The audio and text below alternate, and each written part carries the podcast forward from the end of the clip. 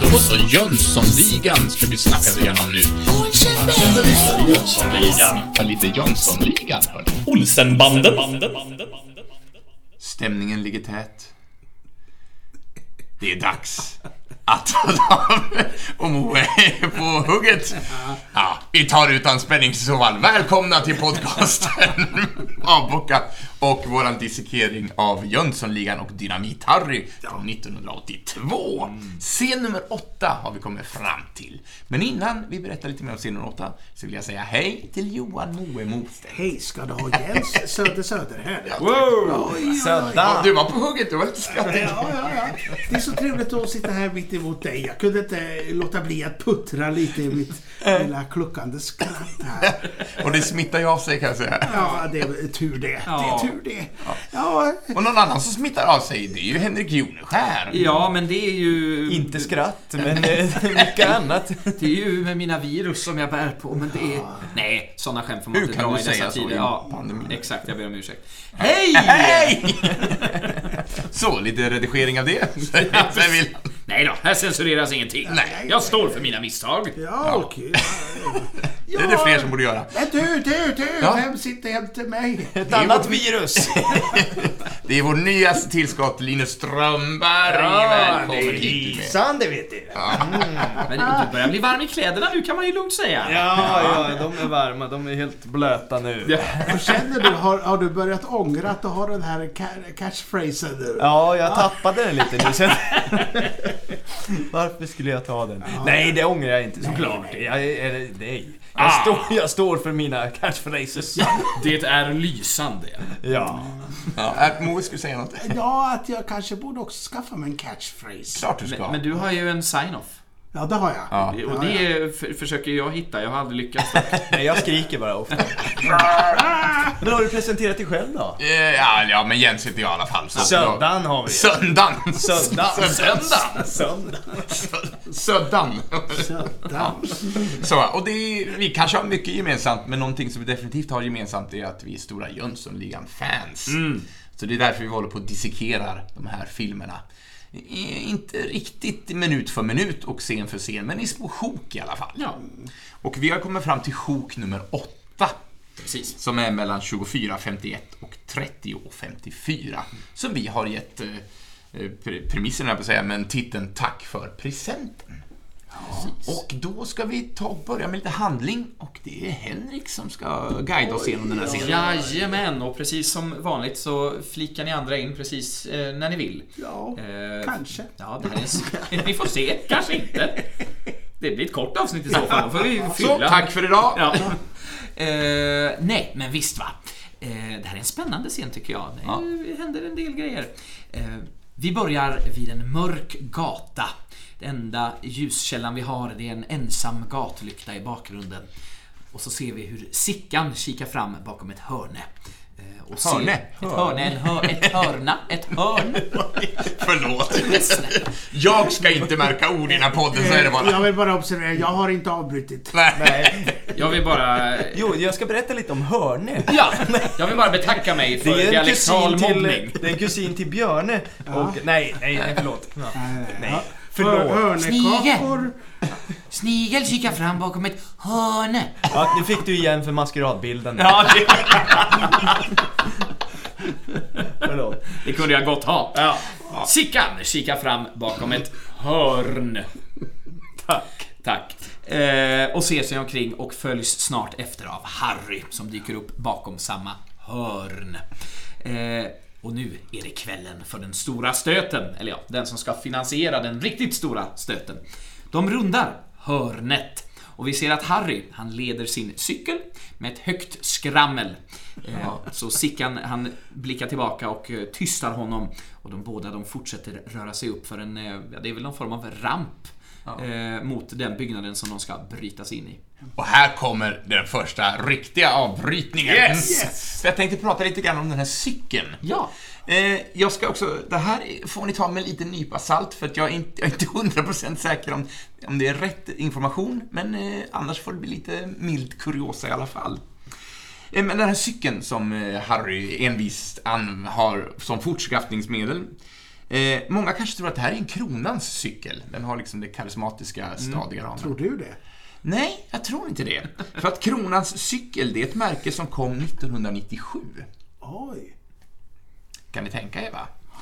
Eh, däremot, eh, eh, jag ska läsa till här så jag inte tappar information. Kronans Cykel var ett företag som bildades 1997 och de var distri- di- distributörer, svårt ord, av gamla militärcyklar. Men, eh, men start... Säkert push, tror ni inte?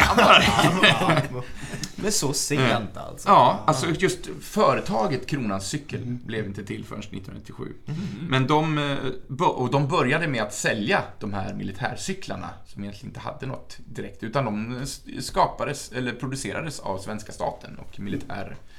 Och de skulle egentligen inte lämna liksom själva militära. Nej, utan det var för militärt bruk. Eh, De producerades av svenska staten alltså. Så. Eh, Cykelinfanteriet introducerades som koncept redan 1901 i Sverige, då på I27 på Gotland. Eh, Som då ersatte sitt kavalleri med cykelburet infanteri. Ja, det, det har vi pratat om någon annan gång, du och jag Jens, vet jag. Att, att det är så hä- häftigt egentligen på andra världsk eller i första världskriget att, att folk cyklade omkring och sköt på varandra. God dag!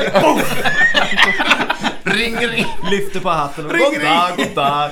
Jävla guppigt här också. Det är det här som kallas en drive-by. Man får inte ha för stark rekyl för då åker man i diket. Ja, exakt. Jag tror inte de eh, sköt så mycket. Nej, det tror Jag jag. ser en sån här gammal velociped framför mig. En sån här stor, det. stort hjul. Eh, Men eh, krigstiden 1942 så hade det hunnit bildat sex olika cykelinfanteriregement inom den svenska armén. Med huvudsakligen M30 och M42, alltså det var modellen som, av dessa cyklar. Eh, Det förekom även obetecknade tandemcyklar som användes av radiooperatörer och speciellt utrustade cyklar som kunde montera en bår mellan den främre pakethållaren och den bakre. Så det var två cyklar med en bår emellan. Ja, ja, ja. Då undrar man om den är på längden eller på tvären. Då får man inte cykla i någon eh, trång gränd. Som huvudet slår i hustaken där. Jag har sett en bild så att det var på längden. Ja, efter andra världskriget, eh, år 1947, fattades beslutet att cykelinfanteriregementet skulle läggas ner. Eh, då fasades då successivt eh, de här cyklarna ut mellan 48 och 52 för att avveckla cyklarna och övergick till allmän användning inom armén. Men fortfarande inom armén att eh, man transporterade sig lite kortare sträckor med på de här cyklarna. Eller så lämnar man dem till hemvärnet, men det är också inom fortfarande militär regim. Så. Cykelskyttebataljonen existerade dock ända fram till sent 80-tal. Det var ändå skyttebataljon. Ja, tydligen. Så, eh, och sen, och den var liksom mer eller mindre aktiv fram till 80-talet. Ja, ja, ja, ja. Guldmedaljör i cykelskytte. Det är lite roligt. Alltså. Det är så eh, märkligt att någonting kan låta så kul som förmodligen var så här helt vanligt. Ja, Ja. absolut. Eh, Men modellen då, som Harry har, eh, har jag försökt luskat fram med hjälp av bilder, men jag tror, och eh, jag trycker på ordet tror, att det är en M42 som då hade pakethållaren både fram till och bak till. Och det var ju den modellen som tillverkades av flera olika cykeltillverkare. Rex, Husqvarna, Monark med flera. Och de tillverkar alltså olika delar, alltså inte hela Ah, koncept, cykeln som ett just det. koncept. Och sen satte svenska försvaret ihop de här bitarna Mm. så att de monterade ihop cyklarna själva. Så det var som ett eh, en lite IKEA-projekt eh, på sätt och vis. Eh, Men de här cyklarna blev då i folkmun benämnda som Kronans cykel eftersom de hade sin ursprung i militären. Just det. Eh, Och som sedan då var ett företag som plockade på sig massa cyklar, startade företaget Kronans cykel 97 och började sälja dem. Ja, då undrar man ju om han har fått med sig den från, från militären. Om han har tjänstgjort Ja, men tänk om han var spräng, sprängare Ja, i militären. Och, precis. Han har väl någon sån gammal militärhjälm? Ja. Har han inte det? Jo. Ja, den kommer i sen. senare film. Precis. Och det här, ja, ja, Ja, intressant. ja, men lite, Ja, lite om. Kronans cykel. Så. Underbart. Eh, och den här cykeln, när de går upp för den här eh, rampen, eller vad det nu, man nu ska kalla det, den fortsätter ju naturligtvis att skramla till Sickans stora förtret. Men Harry, han, han manar på Sickan att eh, fortsätta framåt. Eh, Han är så jävla nervös. Ja. Eh, och sen så känner väl Harry själv att nej men den kanske låter lite för mycket så han lutar den mot eh, husväggen halvvägs upp där. Eh, och när de närmar sig nästa hörn då, eh, då tar Harry nästan krampaktigt tag om Sickans arm eh, och, och frågar är det klart? Och så säger Sickan att, att eh, jo men det, det är klart och då svarar Harry att ja, då är det bara över gården och bort till fönstret där. Eh, och lämnar över väskan med olika attiraljer eh, till Sickan då. Väskan klar. Och det, det ser ut att vara en ny väska. Ja. För det är inte den här skolväskan Nej. som vi pratade om i förra Nej, säsongen. det verkar vara någon annan. Eh, Och inte är det heller Doktorsväskan heller. doktorsväskan Nej. heller. Det ser nästan ut så. och Det kanske är Rockys väska från början som hänger, hänger med Harry sen. Ja, just Jag det. vet inte. Eller jag vet. Precis. Ja, för, för i förra filmen så är det ju Rocky som har Mm. doktorsväskan, Mm. Gladstone-bagen. Mm. Det Ja. är hans.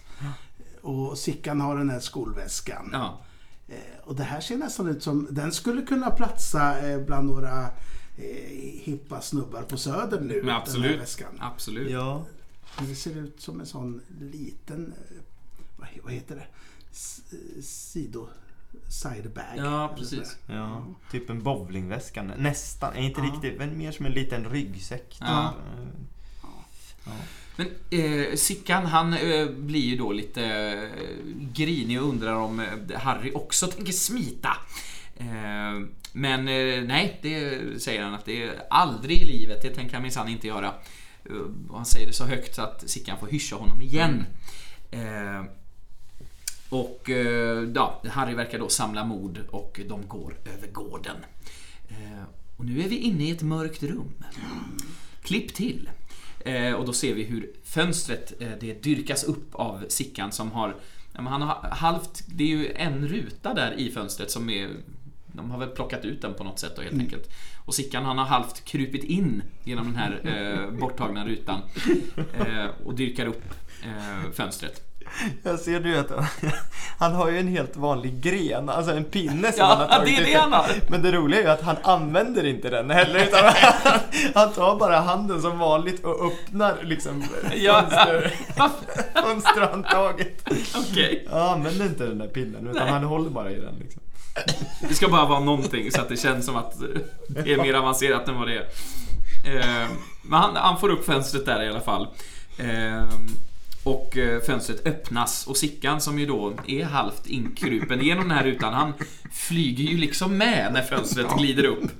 Eh, höll jag faktiskt på att missa den detaljen när jag såg det, av någon anledning. För att det pratar vi också om när vi dissekerar första filmen, att väldigt mycket av den här humorn och slapstick-humorn är ganska subtil och det liksom Ja. förhöjs inte med ljudeffekter eller musiken eller sådär. Eller stora det- reaktioner. det- Utan exakt, utan det det är bara det som gör det så himla briljant, den här humorn. Är ju... Ja, och det är Så- mycket mörka miljöer som jag sa också. Det är ofta man ser den i ganska dålig kvalitet eftersom Ja. den är så pass gammal så det är Exakt. lätt att missa den där Verkligen. Men man fastnar nästan i fönstret. Det är ju väldigt roligt. Ja, det är ju verkligen. Men han lyckas ju såklart eh, ta sig loss och börjar ju krypa in genom det öppnade fönstret. Eh, och så vänder han sig mot Harry som står kvar utanför och eh, säger åt honom att skynda sig på. Men eh, Harry vill inte och säger att eh, det där är, det där är, det är ditt jobb.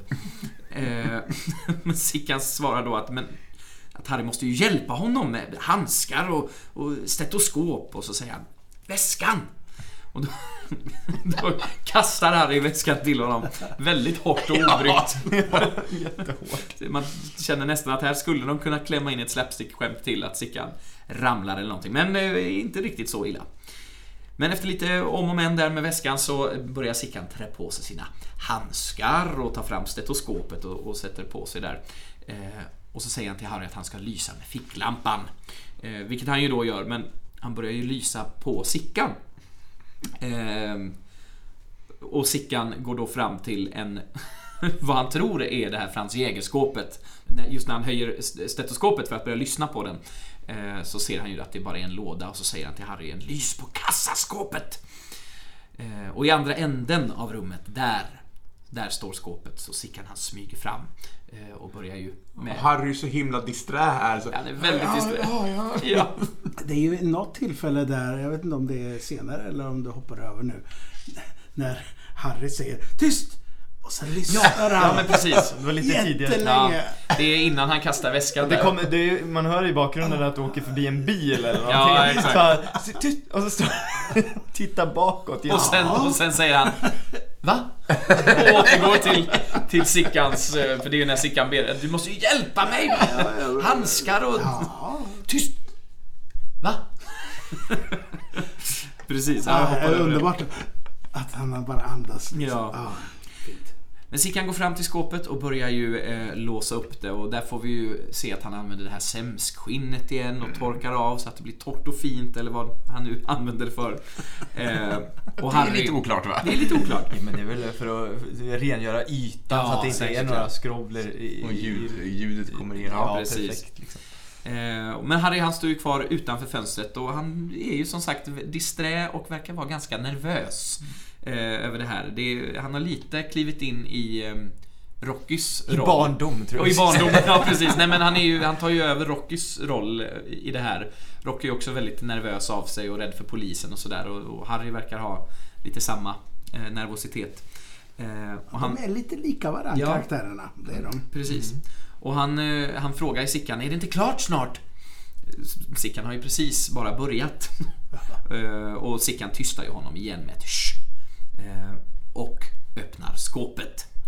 Men till Sickans stora förvåning och irritation så är ju skåpet bara fyllt med citat Skit! Det är ju ingenting! Det är ju bara skit. Varpå Harry återigen frågar, är det inte klart snart? Det är som att han inte har hört någonting. Nej, precis. Så han- Det är inte klart.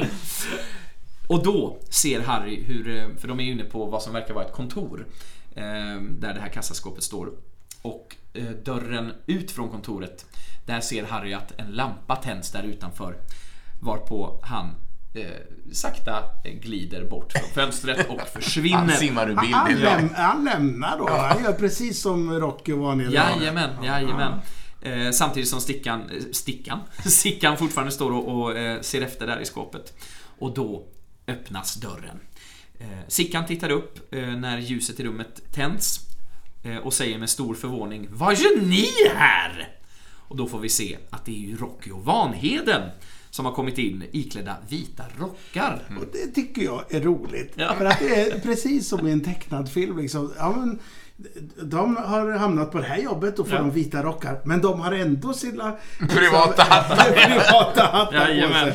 Ah, det är så fint. Det är något utklädda fast alla ser att det är dem. Ja, precis, precis. Ah, väldigt roligt. Gubbkeps och hatt. Ja, Liksom. vi är ju på deras jobb. Vi har också sett där inne på kontoret att det har varit någon Yamaha-skylt bland annat. Så, eh, vi är ju på deras jobb. Vi är ju då på Hägerstensvägen 116. Exakt, På exakt. baksidan. Ja, inuti. Ja. Eh, Rocky han svarar först att vi, vi arbetar här. Varpå han sen ganska glatt säger vi S-märker eh, bulgariska TV-apparater. Ja, och du!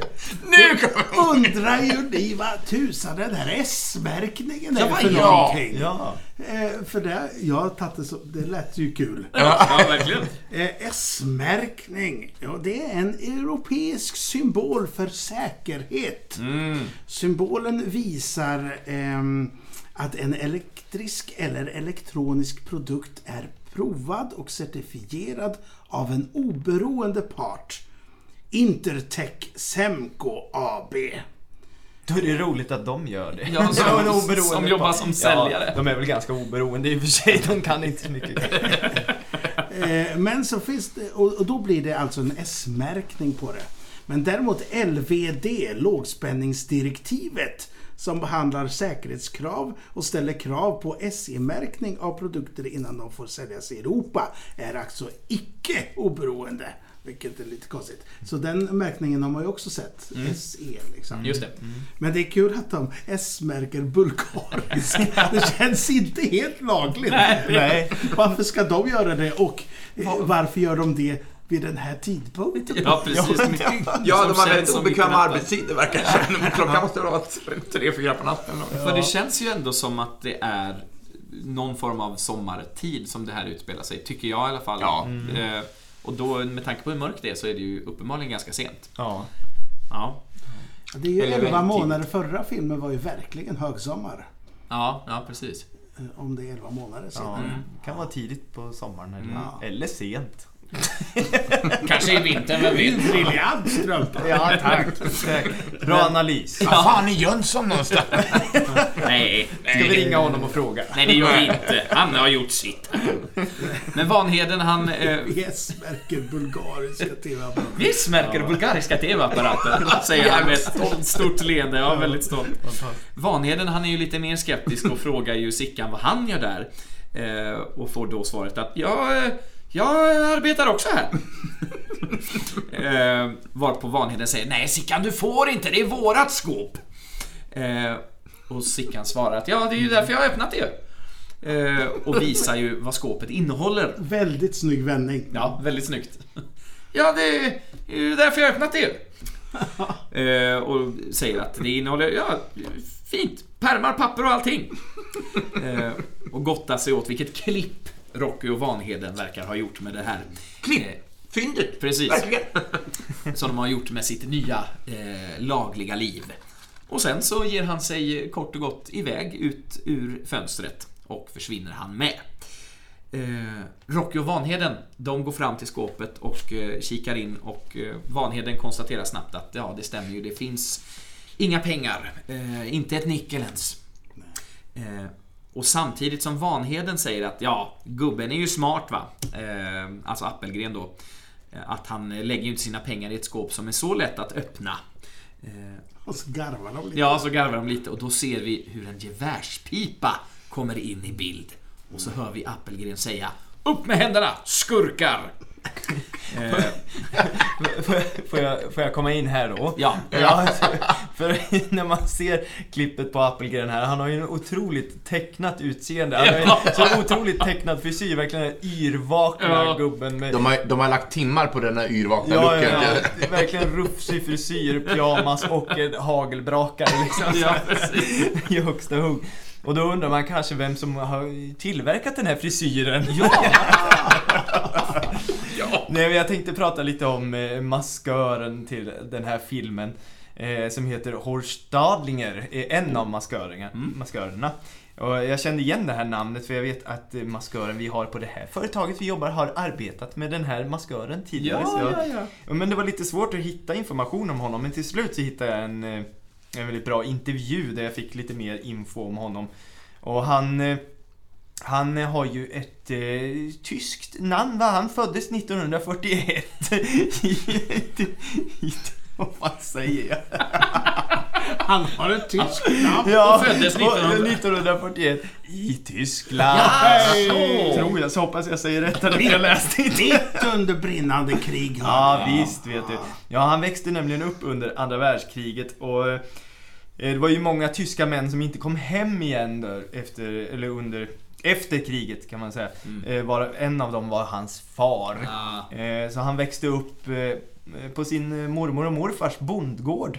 Så hans mamma eh, bodde också där och hjälpte till på gården och uppfostrade eh, Horst och hans eh, stora syster samtidigt. Så hon hade mycket att göra där. Eh, han hade en eh, farbror i Amerika och eh, när Horst var 15 år så dog hans mamma. Så eh, när han blev 17 sen så bestämde han sig för att åka till farbrorn i Amerika. Och där jobbade han på ett varuhus för att lära sig eh, amerikanska helt enkelt. Han ville lära sig språket. Och, men han trivdes inte där så efter tre månader så flyttade han tillbaka till Tyskland. Eh, men eh, av en slump sen så kom han in i det här yrket. Han träffade nämligen en tjej som jobbade på balletten eh, på Ny... Bara, Ja, på Balbalaj vet jag. Nej, inte den här gången. Nej, nej. Utan det här var på Ny, Nürnbergteatern. Ja, så han hängde mycket där och eh, mask- maskörchefen han hade en vän som hade erhållit eh, världsmästerskap i titeln som maskör.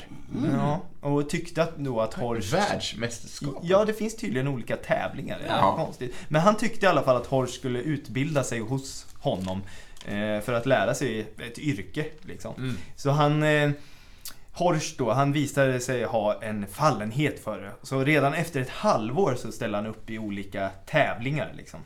som tydligen finns. ja.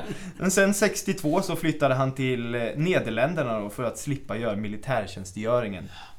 Eh, och 66 så träffade han Ingmar Bergman på en inspelning, en filminspelning. Så, Tjena, tjena. ja, jag vet ju Ingmar, Ingmar va? Han, han tyckte det var brist på utbildade maskörer va? Det var ju det i Sverige. Ja. Så han eh, erbjöd Horst att komma ett år till Sverige och jobba på Dramaten. Ja, så eh, han, eh, ja, så han jobbade där då eh, och stannade kvar ett tag eh, och jobbade länge på Dramaten och där eh, bakom kulisserna så träffar han eh, bland annat Hasse Alfredsson som han spelade mycket schack med. Eh, Trevligt. och då, de började tycka om varandra, så de började ett samarbete. Eh, så eh, Horst Dahlingers första film var Picassos Äventyr, som han eh, kom och hjälpte till i. Liksom. Eh, sen så fortsatte de att samarbeta i eh, Den enfaldige mördaren, Jim och Piraterna och många fler filmer. Liksom. Eh, sen så tog han tjänstledigt från Dramaten på somrarna liksom, för att arbeta med Hasse och Mm. Tage. Då. Mm. Eh, sen har det varit en lång karriär. Jag vet inom eh, ja, svensk film och privatteater och institutionerna. Han har bland annat designat Rumpnissarna i Ronja Ja, Rövardotter. ja, ja, ja. Aha. Ja. Vad han, han har gjort en mängd uppsättningar, alltså, ja, på både scen och film. Eh, några filmer som han har gjort. Han har gjort eh, Mask och peruk till Jönssonligan på Mallorca. Mm. Han har varit med och, i Yrrol och härjat. Eh, Och han kanske gjorde den där låtsassnoppen. Ja, det gjorde han. direkt. Claes Månsson. En smak du aldrig glömmer. Ja. Ja. Nej, det var, inte, det var ju Peter Dalle som hade den. Ja, just det. Ja. Ja, men han har även varit med i Andarnas hus, eller House of Spirits med Meryl Jeremy Streep och, ja precis, Ja. Mm. Jeremy Irons. Eh, som, eh, och den tyckte många att han skulle bli Oscars-nominerad Ja. eh, för Mask, men under den tiden så fick inte priset gå till Europa. Så det var, det var tråkigt. Ja. Men han har även gjort Tingeltangel på Tyrol, har han varit med. Drömkåken.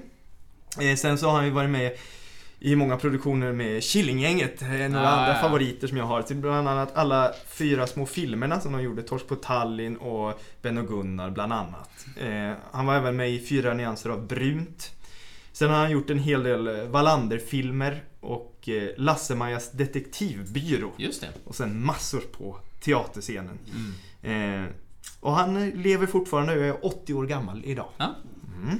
Jag tror, utan att eh, säga för mycket, eller med för mycket säkerhet, så tror jag att han har varit... Jag vet inte om han har jobbat här, men jag tror att han har varit på besök här en del. Ja, men han var ju någon slags mentor till Ja, våran ja, men precis. Sissa har jag Och varit med he- henne här och jobbat. Eh, Jag har inte jobbat, eh, Nej. inte under mina år Nej, i alla fall. nej. Men Men, eh, ja. Mm. Horst. Fint. Fint. gött. Eh, nu ska vi se var vi var någonstans i handlingen. Kvar? Ja, vi har Ja. lite film kvar faktiskt. Nämen! Jo men precis, vi var ju vid Appelgren där, upp med Ja, händerna skurkar. äpplet. Äpplet ja. Vanheden han försöker ju förklara situationen att, ehm, att eh, det är inte som det ser ut och sådär. Men Appelgren han säger ju att det var det här jag trodde hela tiden. Äntligen fick jag er. Och då, då klipper vi till utanför butiken. Eh, Sickan, han står på en trottoar eh, och vi hör sirener från en polisbil som snabbt susar förbi samtidigt som Sickan då naturligtvis gömmer sig bakom en bil som står parkerad där. Eh, och vi får se hur Rocky och Vanheden de förs ut ur butiken. Eh, till Vanhedens protester och Rockys gnyende. Ja. Och Vanheden som säger 'Jag har inte lust' Nej, precis! Fan det. Exakt, vem fan har det? Ja. Eh, Sickan han betraktar ju hela det här spektaklet och helt plötsligt så dyker Harry upp Ja. bredvid honom. Ja, han liksom så här glider upp Ja, i bild. är lite gubben i lådan så. Ja. Eh, och eh, säger att ja, det är lika bra att, att de blev tagna. Ja. Eh, och Sickan han svarar med Tack för presenten du. Ja, det var så lite. Jag tycker det är fint att de säger Ja, du tog dem dem. Ja, ja, det var lika bra Lika bra. Lika bra. Och när Harry har sagt det att ja, det var så lite. Så glider han ur bild igen. glider han ner där bakom bilen eller vad de står nu på en står. liten lift. Ja. Kör hissen. Ja. Ehm, och samtidigt, eh, Vanheden och Rocky körs ju därifrån i polisbilen. Och då, då klipper vi igen till ett gallerfönster. Och kameran den åker sakta nedåt och vi förstår att vi är ju i en cell där Rocky och Vanheden nu sitter. Rocky han verkar helt ha tappat förståndet. Han sitter bara och gnyr. Han är väldigt traumatiserad av det här. Som min hund när han vill ha mat från min tallrik ungefär. precis. Och Harry vill ha öl. Ja. ja. Vanheden han ber Rocky vara tyst eh, och säger att vi har ju inte gjort något. Samtidigt som kameran zoomar ut och vi känner hur Ja, ödsligt och den zoomar och är. zoomar och Ja. zoomar. Och det, det, då får vi ge lite cred där igen till Gert Wibe tycker jag, Ja. scenografin. Det, det är en väldigt sådär um, Roy Anderssonskt. Ja, Ja, faktiskt. ja, i, i sin... Ja, men det är väldigt snyggt. Ja, det är ju världens största cell. Men den bryter lite på temat i filmen också, även om det är en väldigt snygg bild. Ja, Men, det är lite eh, overkligt. Ja, men, eh, men jag förstår ju symbolik alltså. Ja. De är verkligen... Vad ska hända nu? precis. Och där slutar faktiskt våran scen för dagen. Ja, det var kul när jag delade upp scenerna här så slutade jag innan den här och sen bara... Så skulle jag börja nästa scen. Men det är jättekonstigt att börja en scen med Ja. just den här Ja. Just det. Så okej, det fick vara med. Annars hade det fått blivit ett eget avsnitt. Ja, men Men precis. kanske vi inte hade haft mycket, Så mycket. att prata om. Nej. Nej. Nej, den fick glida med. Bara den utzoomningen. eh, Ja. Fyra sekunder. Han gnyr. Ja. Ja, men otroligt trevligt att återigen få sitta och Mm. eh, snacka Jönssonligan med er. Ärade kumpaner och kollegor. Nästa gång, eller ja, eh, Ja. någon som har något mer att tillägga? Nej, inte nej. ett dugg va? Nej. Nej. Eh, nej, Sten Ardenstam eh, fick vara med där ja. Ja. Korta replikernas mästare som sagt. Precis. Ja. Nej, det var, det var det ena Ja. och det andra och det Då, enda. då tar vi och samlar kraft inför nästa avsnitt då, som blir scen nummer 9. Eh, och minuterna 30 sekunderna 54 till 35 och 44 med rubriken Har du en rund spik? Just det. Du lät väldigt så här, eh, vad heter det, eh, filosofisk. Jaha, ja, men det, det, där, det kan vara en väldigt filosofisk eh, replik Det är detta. en djup fråga. Ja, då. absolut. Ja men då så. Då säger vi så för den här gången. Ja, på återhörande. Ja, Ja, exakt. tre, trevligt ska det vara och Ja. är det... Balpalan. Ja hörni, nu Ja. går vi på Balpalaj. Ja, ja, gör Träffar vi. några bruttar där så. Träffar eh, Isak Grünewald som står och hänger tavlor. Ta hand om er. Ha det Hej gött. med Hej då! Tjena boss! Sign off.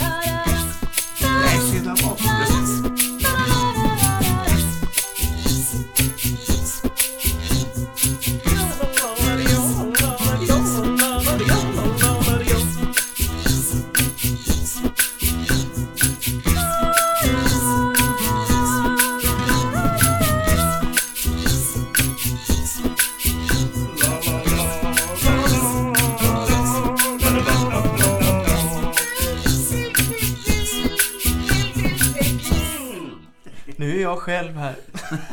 Nej, vi är kvar. Vi är fortfarande Ja. kvar. Och jag är bakom dig! Jag är framför dig! Oh.